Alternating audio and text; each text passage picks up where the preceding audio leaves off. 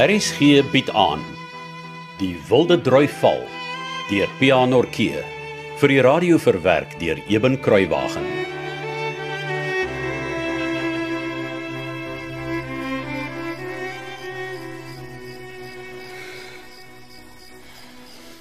And what's the sleeping to good knows what time of the morning on this 24th day of January 1916? Paras. Stel opstaan tyd oom Frank, is dan nog nag? Nie meer vir baie lank nie, Hans. Toe toe toe toe, julle moet vinnig maak. As die son sy kop bo die horison uitsteek, moet julle amper klaar gemelk wees. Ousus en Angelier wag nie die hele dag nie. Ja, ek sou nog kon slaap, weet maar dit. All too well, my son, all too well. Toe. Hoe gouer julle opstaan, hoe gouer kan julle klaar wees. Jou ma het vir julle koffie en beskuit reg in die kombuis voor julle uitgaan. En onthou om julle ou draakklere aan te trek, kinders. Julle kan kom was en skoon aantrek vir die skool as julle klaar is, hoor? Daar hoor julle. Toe toe toe toe, toe roer julle litte.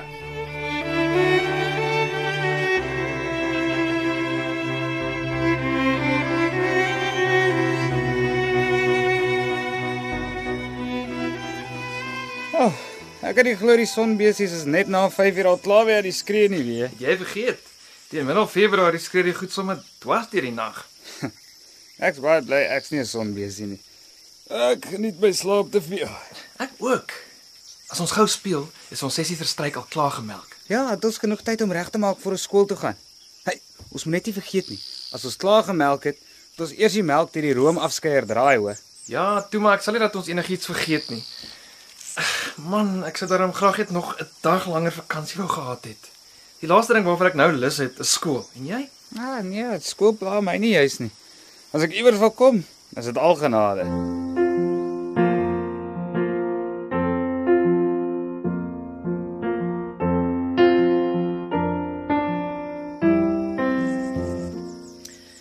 En nou lyk dit al buite vir jou, Frank. Nee, wat maar dan. Is maar net nog 'n tipiese someroggend in die Baviaanskloof. Jy meen wolkloos en nie 'n luggie wat trek nie. Ja, net so. Daar is nie eens 'n skrale bietjie hoop dat daar een van die dae 'n draai in die weer sal kom nie. Ai tog. Toe maar, ek het vir jou 'n ou bekertjie boere troos geskink. Ja, ek was seker jy sou wou hê as jy van buite af kom. Dankie, is 'n groot troos. Ek het geweet daar moet 'n rede wees hoekom ek met jou getrou het, hè? Ek moet daar my goeie naam gestand doen. So droog, weet jy. Dit het nie eens gedou laasnag nie. Hy weet dis wanneer ek bly is. Jy het nie meer die hele boerdery om jou oor te bekommer nie. As die oes misluk of die vee vrek, is dit nie jy wat moet sorg dat iets daaraan gedoen moet word nie. Ja. Dit help 'n klein bietjie. Ah, lekker koffie. Hm, ek's bly. Weet jy of daar water vir die seuns in die houtbalie by die agterdeur is? Ja, ek het gekyk. Ag, dankie. Fooi tog. Ek dink dit was dierbaar dat jy oor die naweek vir hulle vir oulaas 'n blaaskansie gegee het met die melkery. Ja, dit was eintlik 'n goeie sameloop van omstandighede met die dat Willie Smith kuiermense gehad het en ekstra melk wou leen. Ja. Ek is seker as hy agterkop wonder Robert hoekom die buurman se werksmense nie maar permanent die melkery kan behartig nie. Nee. Ja, I wouldn't put it past him. Dink jy Hans sal regkom met die melkery? Ja, wat? Ek het vir Robert gesê hy moet Angeline maar eers vir Hans gee om te melk. Mm. Sy is baie mak en saf in die speen. Jy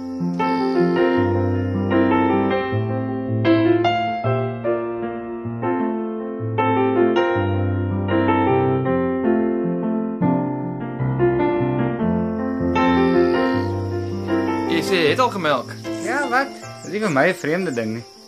Ons sit met jou emmer so lank hier neer. Gehaal ons so lank vir ons twee melkstoeltjies daar onder die afdak. Ons moet net gou maak. Ek wil nie vanoggend laat by die skool aankom nie, O, né? oh, ek hou ook nie daarvan om laat by die skool te kom nie. Veral nie die eerste skooldag van die jaar nie. Praat jy. Hoe laat het julle skool op vlakplaas in die somer begin? Ah, half 8 se kant en hier. Ja, ook maar omtrent daar rond, maar ek weet nie wat om van die nuwe prinsipaal te verwag nie. Oh. Wat? Jy ken hom ons goed. Hoekom lag jy so? oh wie weet.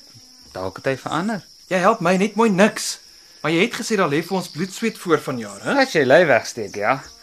Maar as 'n man sy kant bring, is hy darm nie te ongenadig nie. O. Dis goed.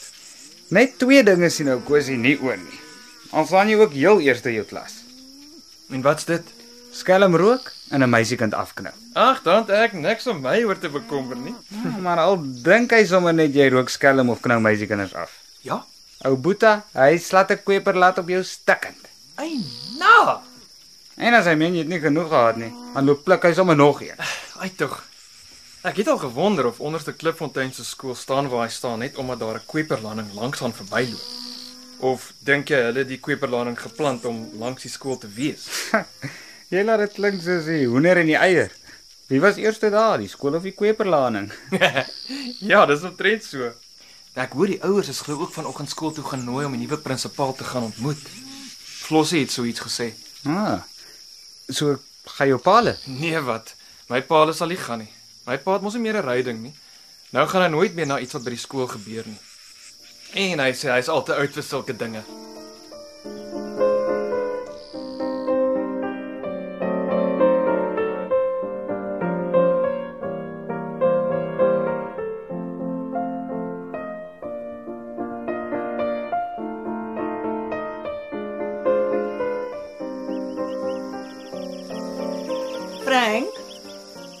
Ou man, Ja, my liewe Martha. ek was nou net daar by Flossie in die kamer. En Sy sê my al die ouers is genooi om 'n nuwe prinsipaal te ontmoet. my vrou, Wat, my man? Florence, Wat gaan nou met jou? Wat sê jy nie vir my nie? sy het seker net haar mond verbygepraat. Wat bedoel jy? Toe sy my die eerste keer gesê het, het ek haar so mooi gevra om Maar tog niks vir jou te sê nie. Jy het geweet en jy het niks vir my gesê nie. I'm so sorry, my darling. I, Frank, kom jy dit doen? Dit dink jy nie jou seun sou graag wou hê jy moet daar wees nie. Dink jy nie jou dogter sou trots gewees het om haar ouers aan meneer Schredder voor te stel nie? Dink jy nie vir net een oomblik ek sou graag die nuwe prinsipaal wat sulke wonderlike konserte reël van aangesig tot aangesig wil ontmoet nie? Martha, jy weet tog, ek het nie meer ryding nie. Besides, I'm getting too old for these things. Kon jy dit aan ons doen? Martha, Jy, please. Jy kon 'n plan gemaak het met 'n reining, Frank. Soos wat? kon vir Bani gevra het. Hy sal met liefde vir jou sy kap karleen. Jy weet dit. My liewe Martha, op my ouderdom, ek dink nie meer so ver nie. Nee, Frank. Die keer gaan jy nie wegkruip agter jou kastige ouderdom nie. Jy is 64 jaar oud, nie 94 nie. Martha, Martha, Martha. hierdie kabel nie, Frank. Jy's 'n groot man. Doen wat jy weet reg is. Dear Lord, trying times. Ja, goed, my liewe Martha. Ek sal die regte ding doen. Hmm, trying times.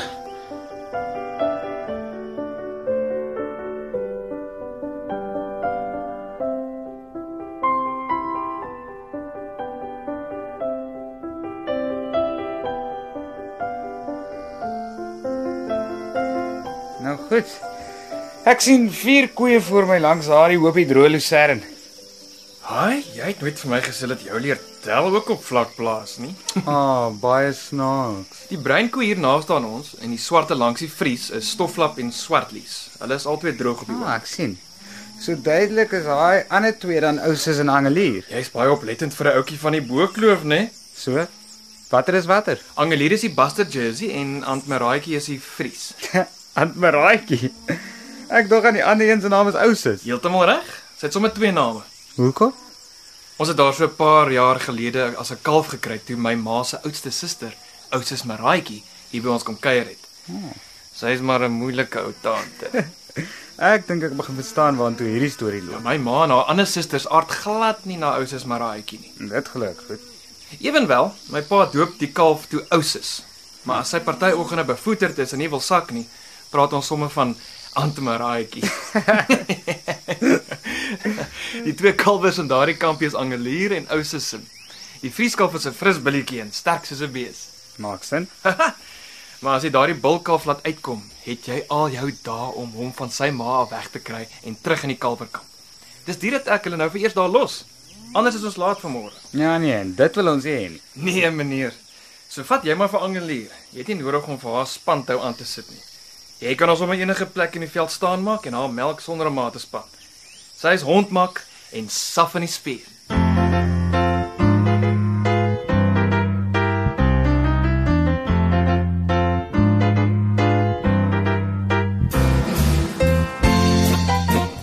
nou vlieggie. Wat probeer jy wegwaai? Maar net 'n paar name en sy bly botstil staan. Jy het seker nog net 'n bietjie vreemd vir haar, dis al. O, oh, nou Annelier, oh, nou das. So ja, so ja, Annelier. Annelier, Annelier, jou pragtige dier. So ja, mooi Annelier. Kom. Wys my of jy daardie vries kan klop, hè? Sy's mos net 'n vries. En omtrent niks eier nie, hè? Ah, nie soos jy nie, Annelier. Daar's hy, sien jy? Hondmak. Ja, nee, jy was heeltemal reg. Ek dink Piet Vink mis my vanmôre. Want hy het nou 'n ekstra koei of twee om te melk. Anders sal klein Fanie inspring of of dalk Kiriko. Want Fanie se werk is eintlik om smores die varke kos te gee. Hey, jy, hey, Angelier, nee, ah, ah, staan stil. Angelier. Angelier, jou preksel. Wat so snaaks? Ek dink jy sê jy kan 'n koei melk. Wat het jy nou aangevang? Wat het ek aangevang? Jy moet liewer vra wat daai Sibbe Angelier aangevang. Sy's publiek van die duiwel besete. Sy is nogal 'n bietjie van die duiwel besete, ja. Ek dink jy sê sy's hondmak en saf in die speen. Angelier is hondmak, ja. Maar as jy ouers is op die verkeerde naam noem en na boonop nie span nie, gaan jy probleme hê, ou boeta. Wat? jy het ouses gemelk. Hierdie rustige ou koetjie wat ek melk is eintlik Angelier. RSG se middagvervolgverhaal Die Wilde Drui Val deur Pian Norkee en wat gebaseer is op ware gebeure is in 1982 uitgegee deur Tafelberg Uitgewers. Die verhaal word in Kaapstad opgevoer onder regie van Joni Combrink en Cassie Louws, baartig die tegniese en akoestiese versorging.